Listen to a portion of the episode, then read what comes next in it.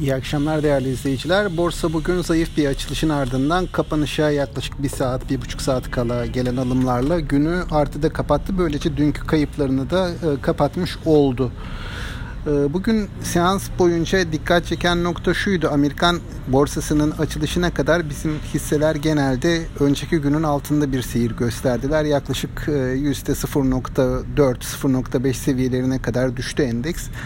Ancak e, gün sonunda Amerikan piyasasının e, bir miktar toparlaması, vadeli hisselerin bir miktar toparlaması ve açılışta ABD hisse senedi piyasalarının vadeli endekslere göre daha iyi seviyelerde açılması hatta kimi artıya geçti. E, bizim piyasaya da destek verdi ve günü artıda kapatmış olduk. E, baktığımız zaman detaylara bu yükseliş çok genele yayılan bir yükseliş değil. Hisse bazlı hareketler var ve bankacılık sektörü geride kalmaya devam ediyor. Bugün aynı zamanda TL'nin e, bir miktar miktar daha değer kaybettiği bir günü oldu. Dolayısıyla hani bankacılık sektörünün e, hisselerinin bundan olumsuz etkilenmesi e, normal. Önümüzdeki günlere baktığımız zaman bunun kalıcı olup olmayacağı biraz e, tartışılabilir tabii. Piyasada hani e, dar bir bant hareketinden bahsediyoruz. Gün içi oynaklıklar da bir miktar azaldı. İşlem hacimleri de önceki haftalara kıyasla bir miktar azaldı.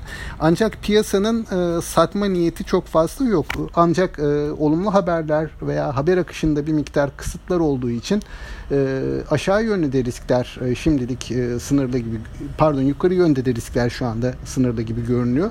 Dolayısıyla bir miktar yurt dışına bağlı seyir devam edebilir önümüzdeki günlerde. Tabi bu anlamda kurdaki hareketlilik de önemli. Kurdaki hareketlilik bir noktada e, sakinleşirse banka hisseleriyle birlikte bu e, yukarı yönlü hareketin daha fazla ivme kazandığını görebiliriz.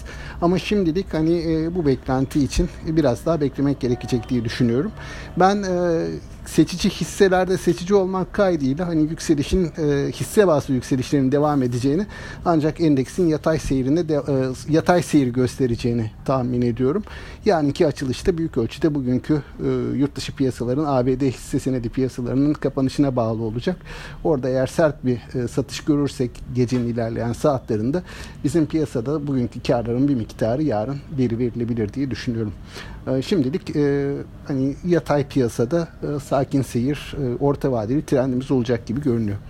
Tüm izleyicilere, tüm yatırımcılara sağlıklı, bol bereketli, bol ve bereketli kazançlı günler dilerim. İyi akşamlar.